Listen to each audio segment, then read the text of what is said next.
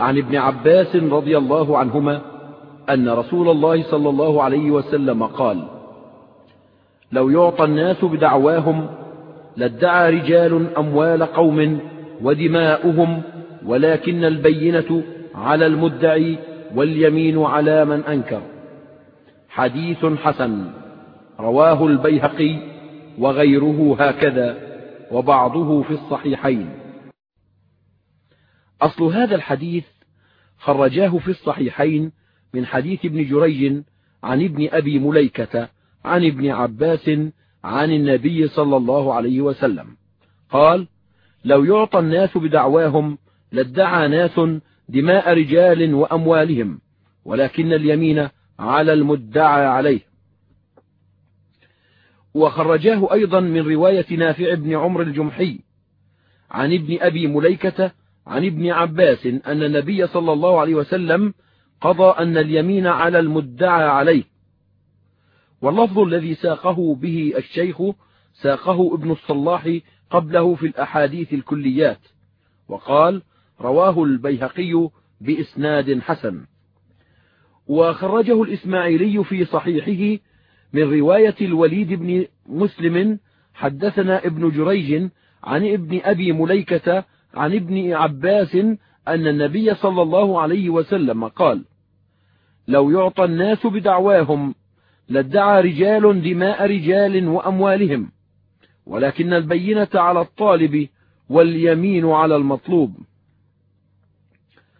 وروى الشافعي أخبرنا مسلم ابن خالد عن ابن جريج عن ابن أبي مليكة عن ابن عباس أن رسول الله صلى الله عليه وسلم قال البينة على المدعي.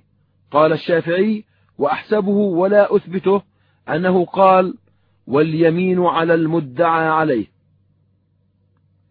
وروى محمد بن عمر ابن لبابة الفقيه الأندلسي عن عثمان بن أيوب الأندلسي ووصفه بالفضل عن غازي بن قيس عن ابن أبي مليكة عن ابن عباس عن النبي صلى الله عليه وسلم.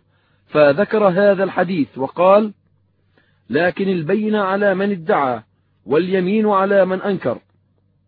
وغازي بن قيس الأندلسي كبير صالح سمع من مالك وابن جريج وطبقتهما وسقط من هذا الإسناد ابن جريج والله أعلم. وقد استدل الإمام أحمد وأبو عبيد بأن النبي صلى الله عليه وسلم قال البينة على المدعي واليمين على من أنكر. وهذا يدل على أن اللفظ عندهما صحيح محتج به. وفي المعنى أحاديث كثيرة ففي الصحيحين عن الأشعث بن قيس قال كان بيني وبين رجل خصومة في بئر فاختصمنا إلى رسول الله صلى الله عليه وسلم. فقال رسول الله صلى الله عليه وسلم شاهداك أو يمينه قلت إذا يحلف ولا يبالي. فقال رسول الله صلى الله عليه وسلم من حلف على يمين يستحق بها مالا هو فيها فاجر لقي الله وهو عليه غضبان. فأنزل الله تصديق ذلك ثم اقترأ هذه الآية. إن الذين يشترون بعهد الله وأيمانهم ثمنا قليلا. الآية. وفي رواية لمسلم بعد قوله إذا يحلف قال ليس لك إلا ذلك. وخرجه أيضا مسلم بمعناه من حديث وائل بن حجر عن النبي صلى الله عليه وسلم. وخرج الترمذي من حديث العرزمي عن عمرو بن شعيب عن أبيه عن جده أن النبي صلى الله عليه وسلم قال في خطبته البينة على المدعي. واليمين على المدعى عليه. وقال في إسناده مقال والعرزمي يضعف في الحديث من قبل حفظه. وخرج الدار قطني من رواية مسلم بن خالد الزنجي وفيه ضعف عن ابن جريج عن عمرو بن شعيب عن أبيه عن جده عن النبي صلى الله عليه وسلم. قال البينة على المدعي واليمين على من أنكر. إلا في القسامة. ورواه الحفاظ عن ابن جريج عن عمرو مرسلا. وخرجه أيضا من رواية مجاهد عن ابن عمر عن النبي صلى الله عليه وسلم أنه قال في خطبته يوم الفتح المدعى عليه أولى باليمين إلا أن تقوم بينة. وخرجه الطبراني وعنده عن عبد الله بن عمرو بن العاص وفي إسناده كلام. وخرج الدار قطني هذا المعنى من وجوه متعددة ضعيفة. وروى حجاج الصواف عن حميد بن هلال عن زيد بن ثابت قال قضى رسول الله صلى الله عليه وسلم. أيما رجل طلب عند رجل طلبه فإن المطلوب هو أولى باليمين. خرجه أبو عبيد والبيهقي وإسناده ثقات إلا أن حميد بن هلال ما أظنه لقي زيد بن ثابت وخرجه الدار قطني وزاد فيه بغير شهداء. وخرج النسائي من حديث ابن عباس قال جاء خصمان إلى النبي صلى الله عليه وسلم فادعى أحدهما على الآخر حقا فقال النبي صلى الله عليه وسلم للمدعي أقم بينتك. فقال يا رسول الله ما لي بينة. فقال للآخر احلف بالله الذي لا إله إلا هو ما له عليك أو عندك شيء. وقد روي عن عمر أنه كتب إلى أبي موسى إن البينة على المدعي واليمين على من أنكر. وقضى بذلك زيد بن ثابت على عمر لأبي بن كعب ولم ينكراه. وقال قتادة فصل الخطاب الذي أوتيه داود عليه السلام هو أن البينة على المدعي واليمين على من أنكر. قال ابن المنذر أجمع أهل العلم على أن البينة على المدعي واليمين على المدعى عليه.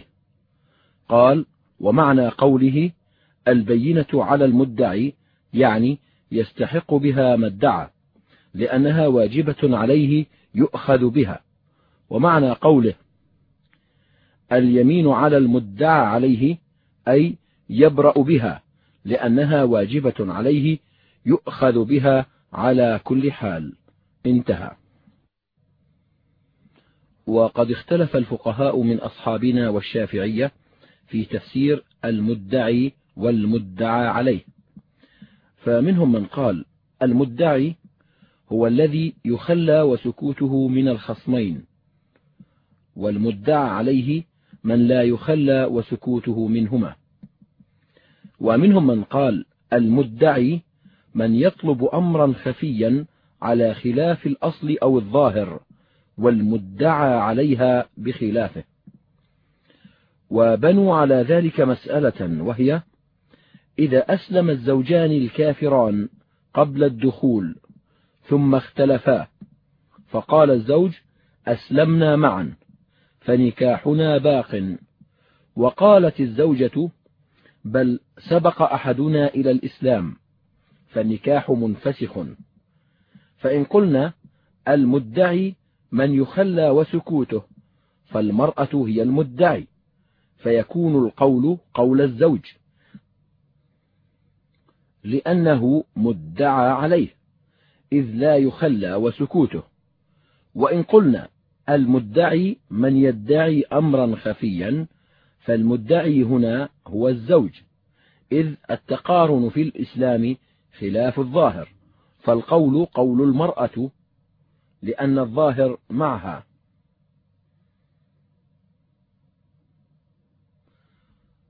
وأما الأمين إذا ادعى التلف كالمودع إذا ادعى تلف الوديعة فقد قيل إنه مدع. لأن الأصل يخالف ما ادعاه وإنما لم يحتج إلى بينة لأن المودع ائتمنه والائتمان يقتضي قبول قوله. وقيل إن المدعي الذي يحتاج إلى بينة هو المدعي ليعطى بدعواه مال قوم أو دماءهم كما ذكر ذلك في الحديث. فأما الأمين فلا يدعي ليعطى شيئا. وقيل بل هو مدعى عليه لأنه إذا سكت لم يترك بل لا بد له من رد الجواب والمودع مدع لأنه إذا سكت ترك. ولو ادعى الأمين رد الأمانة إلى من ائتمنه فالأكثرون على أن قوله مقبول أيضا كدعوى التلف. وقال الأوزاعي لا يقبل قوله لأنه مدع وقال مالك وأحمد في رواية إن ثبت قبضه للأمانة ببينة لم يقبل قوله في الرد بدون البينة. ووجه بعض أصحابنا ذلك بأن الإشهاد على دفع الحقوق الثابتة بالبينة واجب فيكون تركه تفريطا فيجب به الضمان وكذلك قال طائفة منهم في دفع مال اليتيم إليه. لا بد له من بينة لأن الله تعالى أمر بالإشهاد عليه فيكون واجبا. وقد اختلف الفقهاء في هذا الباب على قولين. أحدهما أن البينة على المدعي أبدا واليمين على المدعى عليه أبدا وهو قول أبي حنيفة. ووافقه طائفة من الفقهاء والمحدثين كالبخاري وطردوا ذلك في كل دعوى حتى في القسامة وقالوا لا يحلف إلا المدعى عليه ورأوا أن لا يقضى بشاهد ويمين لأن اليمين لا تكون على المدعي ورأوا أن اليمين لا ترد على المدعي لأنها لا تكون إلا في جانب المنكر المدعى عليه. واستدلوا في مسألة القسامة بما روى سعيد بن عبيد. حدثنا بشير بن يسار الأنصاري عن سهل بن أبي حثمة أنه أخبره أن نفرا منهم انطلقوا إلى خيبر فتفرقوا فيها فوجدوا أحدهم قتيلا فذكر الحديث. وفيه فقال النبي صلى الله عليه وسلم تأتوني بالبينة على من قتله. قالوا ما لنا بينة. قال فيحلفون. قالوا لا نرضى بأيمان اليهود. فكره النبي صلى الله عليه وسلم أن يطل دمه فوداه مئة من إبل الصدقة. خرجه البخاري وخرجه مسلم مختصرا ولم يتمه. ولكن هذه الرواية تعارض رواية يحيى ابن سعيد الأنصاري عن بشير بن يسار عن سهل بن أبي حثمة فذكر قصة القتيل وقال فيه فذكروا لرسول الله صلى الله عليه وسلم مقتل عبد الله بن سهل فقال رسول الله صلى الله عليه وسلم يقسم خمسون منكم على رجل منهم فيدفع برمته. وهذه هي الرواية المشهورة الثابتة المخرجة بلفظها بكمالها في الصحيحين. وقد ذكر الأئمة الحفاظ أن رواية يحيى بن سعيد أصح من رواية سعيد بن عبيد الطائي فإنه أجل وأعلم وأحفظ وهو من أهل المدينة وهو أعلم بحديثهم من الكوفيين. وقد ذكر الإمام أحمد مخالفة سعيد بن عبيد ليحيى بن سعيد في هذا الحديث فنفض يده وقال ذاك ليس بشيء رواه على ما يقول الكوفيون وقال أذهب إلى حديث المدنيين يحيى بن سعيد وقال النسائي لا نعلم أحدا تابع سعيد بن عبيد على روايته عن بشير بن يسار وقال مسلم في كتاب التمييز لم يحفظه سعيد بن عبيد على وجهه لأن جميع الأخبار فيها سؤال النبي صلى الله عليه وسلم إياهم قسامة خمسين يمينا وليس في شيء من أخبارهم أن النبي صلى الله عليه وسلم سألهم البينة وترك سعيد القسامة وتواطؤ الأخبار بخلافه يقضي عليه بالغلط. وقد خالفه يحيى ابن سعيد. وقال ابن عبد البر في رواية سعيد بن عبيد هذه رواية أهل العراق عن بشير بن يسار ورواية أهل المدينة عنه أثبت وهم به أقعد ونقلهم أصح عند أهل العلم. قلت وسعيد بن عبيد اختصر قصة القسامة وهي محفوظة في الحديث وقد خرج النسائي من حديث عمرو بن شعيب عن أبيه عن جده أن النبي صلى الله عليه وسلم طلب من ولي القتيل شاهدين على من قتله. فقال ومن أين أصيب شاهدين قال فتحلف خمسين قسامة. قال كيف أحلف على ما لم أعلم؟ قال فتستحلف منهم خمسين قسامة. فهذا الحديث يجمع به بين روايتي سعيد بن عبيد ويحيى بن سعيد ويكون كل منهما ترك بعض القصة فترك سعيد ذكر قسامة المدعين وترك يحيى ذكر البينة قبل طلب القسامة والله أعلم. وأما مسألة الشاهد مع اليمين فاستدل من أنكر الحكم بالشاهد واليمين بحديث شاهداك أو يمينه وقوله صلى الله عليه وسلم ليس لك إلا ذلك.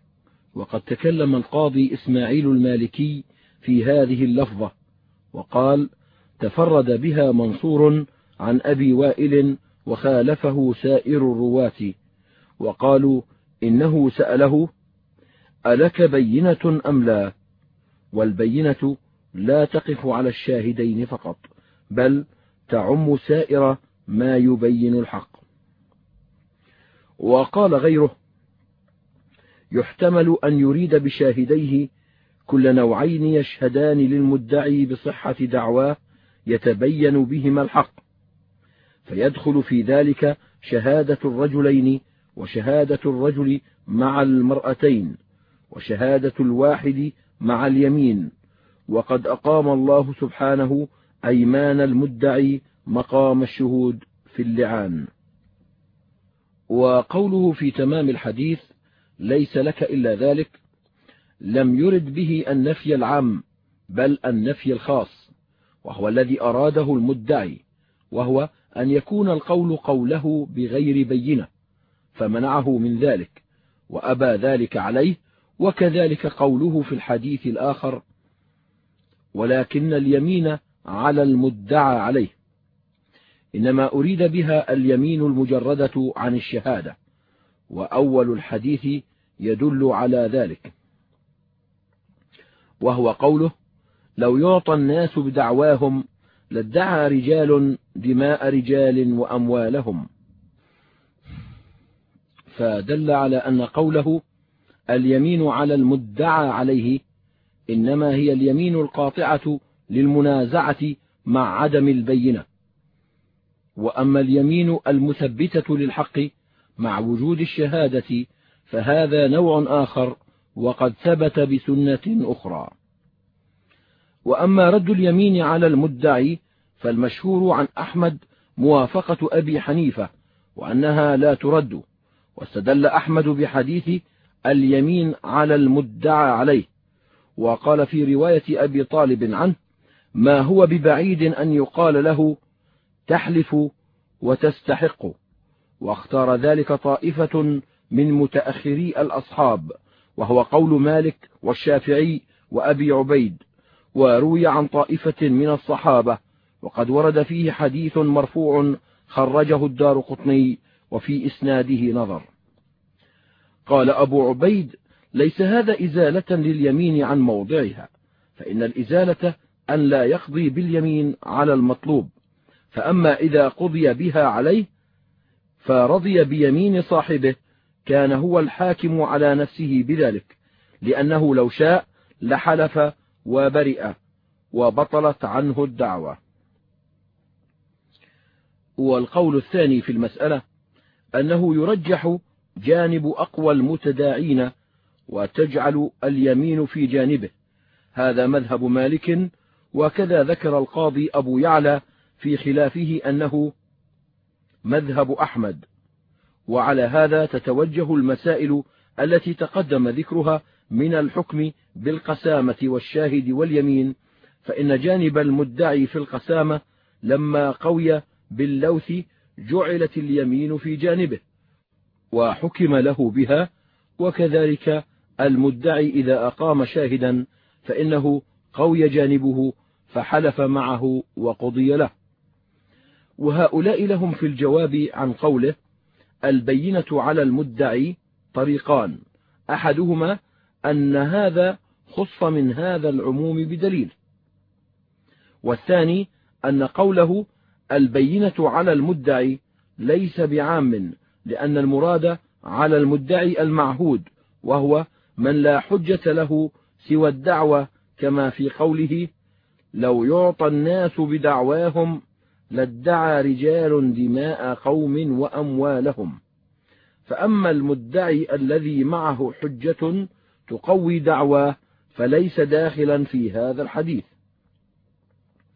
وطريق ثالث وهو أن البينة كل ما بين صحة دعوى المدعي وشهد بصدقه فاللوث مع القسامة بينة والشاهد مع اليمين بينة.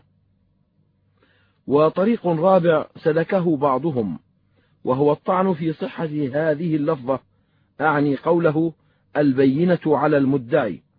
وقالوا إنما الثابت هو قوله اليمين على المدعى عليه وقوله لو يعطى الناس بدعواهم لادعى قوم دماء قوم وأموالهم. يدل على أن مدعي الدم والمال لا بد له من بينة تدل على ما ادعاه ويدخل في عموم ذلك أن من ادعى على رجل أنه قتل موروثه وليس معه إلا قول المقتول عند موته. جرحني فلان أنه لا يكتفى بذلك ولا يكون بمجرده لوثا وهذا قول الجمهور خلافا للمالكية. وأنهم جعلوه لوثا يقسم معه الأولياء ويستحقون الدم. ويدخل في عمومه أيضا من قذف زوجته ولعنها فإنه لا يباح دمها بمجرد لعانها وهو قول الأكثرين خلافا للشافعي واختار قوله الجوزجاني لظاهر قوله عز وجل ويدرأ عنها العذاب أن تشهد أربع شهادات بالله. والأولون منهم من حمل العذاب على الحبس. وقالوا إن لم تلاعن حبست حتى تقر أو تلاعن. وفيه نظر. ولو ادعت امرأة على رجل أنه استكرهها على الزنا فالجمهور أنه لا يثبت بدعواها عليه شيء. وقال أشهب من المالكية لها الصداق بيمينها وقال غيره منهم لها الصداق بغير يمين. هذا كله إذا كانت ذات قدر وادعت ذلك على متهم تليق به الدعوى وإن كان المرمي بذلك من أهل الصلاح. ففي حدها للقذف عن مالك روايتان. وقد كان شريح وإياس بن معاوية يحكمان في الأموال المتنازع فيها بمجرد القرائن الدالة على صدق أحد المتداعين. وقضى شريح في أولاد هرة تداعاها امرأتان. كل منهما تقول هي ولد هرتي قال شريح ألقها مع هذه فإن هي قرت ودرت واسبطرت فهي لها. وإن هي فرت وهرت وازبأرت فليس لها. قال ابن قتيبة قوله اسبطرت يريد امتدت للإرضاع وازبأرت اقشعرت وتنفشت. وكان يقضي بنحو ذلك أبو بكر الشامي من الشافعية. ورجح قوله ابن عقيل من أصحابنا. وقد روي عن الشافعي وأحمد استحسان قول القافة في سرقة الأموال والأخذ بذلك. ونقل ابن منصور عن أحمد إذا قال صاحب الزرع أفسدت غنمك زرعي بالليل ينظر في الأثر فإن لم يكن أثر غنمه في الزرع لا بد لصاحب الزرع من أن يجيء بالبينة. قال إسحاق بن راهويه كما قال أحمد لأنه مدع وهذا يدل على اتفاقهما على الاكتفاء برؤية أثر الغنم وأن البينة إنما تطلب عند عدم الأثر. وقوله واليمين على المدعى عليه يدل على أن كل من ادعى عليه دعوى فأنكر فإن عليه اليمين وهذا قول أكثر الفقهاء. وقال مالك إنما تجب اليمين على المنكر إذا كان بين المتداعين نوع مخالطة خوفا من أن يتبذل السفهاء الرؤساء بطلب أيمانهم. وعنده لو ادعى على رجل أنه غصبه أو سرق منه ولم يكن المدعى عليه متهما بذلك لم يستحلف المدعى عليه. وحكي أيضا عن القاسم بن محمد وحميد بن عبد الرحمن وحكاه بعضهم عن فقهاء المدينة السبعة. فإن كان من أهل الفضل وممن لا يشار إليه بذلك أدب المدعي عند مالك ويستدل بقوله اليمين على المدعى عليه على أن المدعي لا يمين عليه وإنما عليه البينة وهو قول الأكثرين. وروي عن علي أنه أحلف المدعي مع بينته أن شهوده شهدوا بحق وفعله أيضا شريح وعبد الله بن عتبة ابن مسعود وابن أبي ليلى وسوار العنبري وعبيد الله بن الحسن ومحمد بن عبد الله الأنصاري وروي عن النخعي أيضا وقال إسحاق إذا استراب الحاكم وجب ذلك. وسأل مهنا الإمام أحمد عن هذه المسألة. فقال أحمد قد فعله علي. فقال له أيستقيم هذا؟ فقال قد فعله علي. فأثبت القاضي هذا رواية عن أحمد لكنه حملها على الدعوة على الغائب والصبي وهذا لا يصح لأن عليا إنما حلف المدعي مع بينته على الحاضر معه. وهؤلاء يقولون هذه اليمين لتقوية الدعوة إذا ضعفت باسترابة الشهود كاليمين مع الشاهد الواحد. وكان بعض المتقدمين يحلف الشهود إذا استرابهم أيضا. ومنهم سوار العنبري قاضي البصرة. وجوز ذلك القاضي أبو يعلى من أصحابنا لوالي المظالم دون القضاة وقد قال ابن عباس في المرأة الشاهدة على الرضاع أنها تستحلف وأخذ به الإمام أحمد. وقد دل القرآن على استحلاف الشهود عند الارتياب بشهادتهم في الوصية في السفر في قوله تعالى يا أيها الذين آمنوا شهادة بينكم إذا حضر أحدكم الموت حين الوصية اثنان ذوى عدل منكم أو آخران من غيركم. إلى قوله فيقسمان بالله إن ارتبتم لا نشتري به ثمنا ولو كان ذا قربى ولا نكتم شهادة الله. وهذه الآية لم ينسخ العمل بها عند جمهور السلف. وقد عمل بها أبو موسى وابن مسعود وأفتى بها علي وابن عباس وهو مذهب شريح والنخعي وابن أبي ليلى. وسفيان والأوزاعي وأحمد وأبي عبيد وغيرهم قالوا تقبل شهادة الكفار في وصية المسلمين في السفر ويستحلفان مع شهادتهما. وهل يمينهما من باب تكميل الشهادة فلا يحكم بشهادتهما بدون يمين أم من باب الاستظهار عند الريبة وهذا محتمل وأصحابنا جعلوها شرطا وهو ظاهر ما روي عن أبي موسى وغيره. وقد ذهب طائفة من السلف إلى أن اليمين مع الشاهد الواحد هو من باب الاستظهار فإن رأى الحاكم الاكتفاء بالشاهد الواحد لبروز عدالته وظهور صدقه اكتفى بشهادته بدون يمين الطالب. وقوله فإن عثر على أنهما استحقا إثما فآخران يقومان مقامهما من الذين استحق عليهم الأوليان فيقسمان بالله لشهادتنا أحق من شهادتهما. يدل على أنه إذا ظهر خلل في شهادة الكفر حلف أولياء الميت على خيانتهما وكذبهما واستحقوا ما حلفوا عليه وهذا قول مجاهد وغيره من السلف. ووجه ذلك أن اليمين في جانب أقوى المتداعين وقد قويت هنا دعوى الورثة بظهور كذب الشهود الكفار.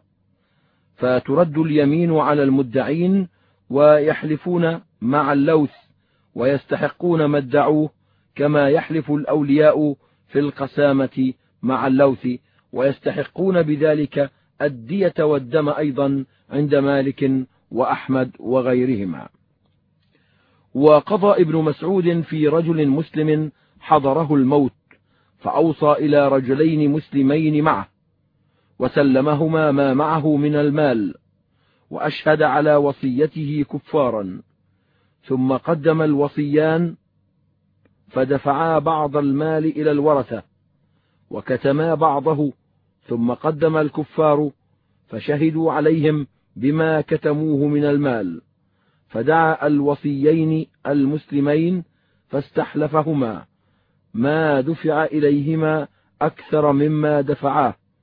ثم دعا الكفار فشهدوا وحلفوا على شهادتهم. ثم أمر أولياء الميت أن يحلفوا أن ما شهدت به اليهود والنصارى حق فحلفوا فقضى على الوصيين بما حلفوا عليه. وكان ذلك في خلافة عمر. وتأول ابن مسعود الآية على ذلك فكأنه قابل بين يمين الأوصياء والشهود الكفار فأسقطهما وبقي مع الورثة شهادة الكفار فحلفوا معها واستحقوا لأن جانبهم ترجح بشهادة الكفار لهم فجعل اليمين مع أقوى المتداعين وقضى بها. واختلف الفقهاء هل يستحلف في جميع حقوق الآدميين كقول الشافعي ورواية عن أحمد أو لا يستحلف إلا فيما يقضى فيه بالنكول كرواية عن أحمد. أو لا يستحلف إلا فيما يصح بذله كما هو المشهور عن أحمد. أو لا يستحلف إلا في كل دعوة لا تحتاج إلى شاهدين كما حكي عن مالك.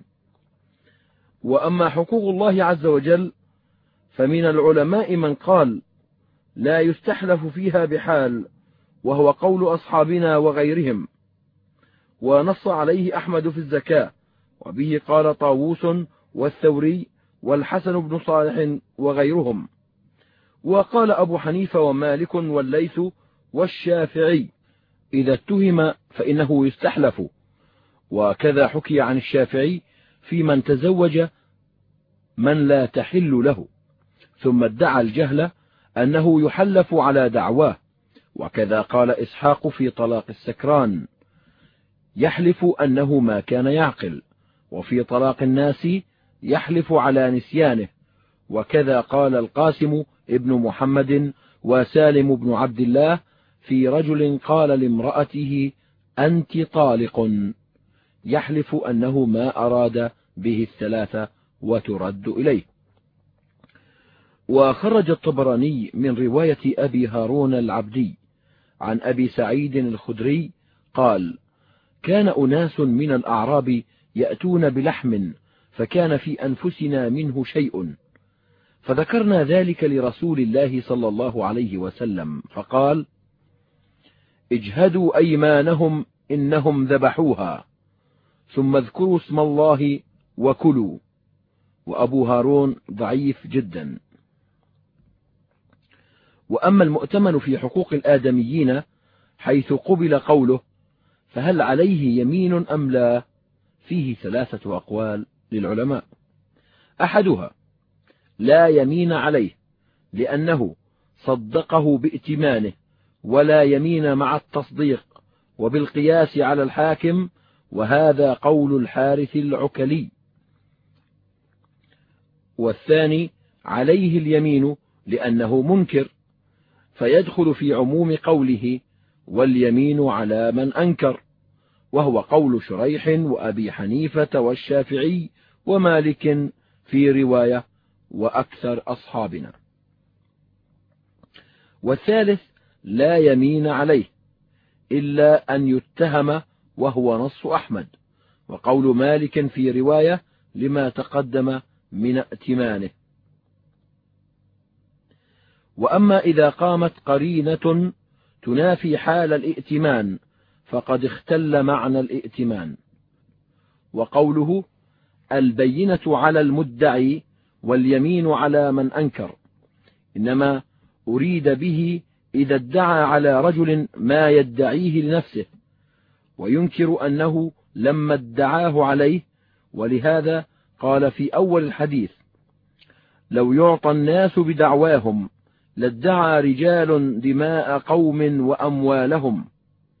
فأما من ادعى ما ليس له مدع لنفسه منكر لدعواه فهذا أسهل من الأول ولا بد للمدعي هنا من بينة ولكن يكتفى من البينة هنا بما لا يكتفى بها في الدعوى على المدعي لنفسه المنكر.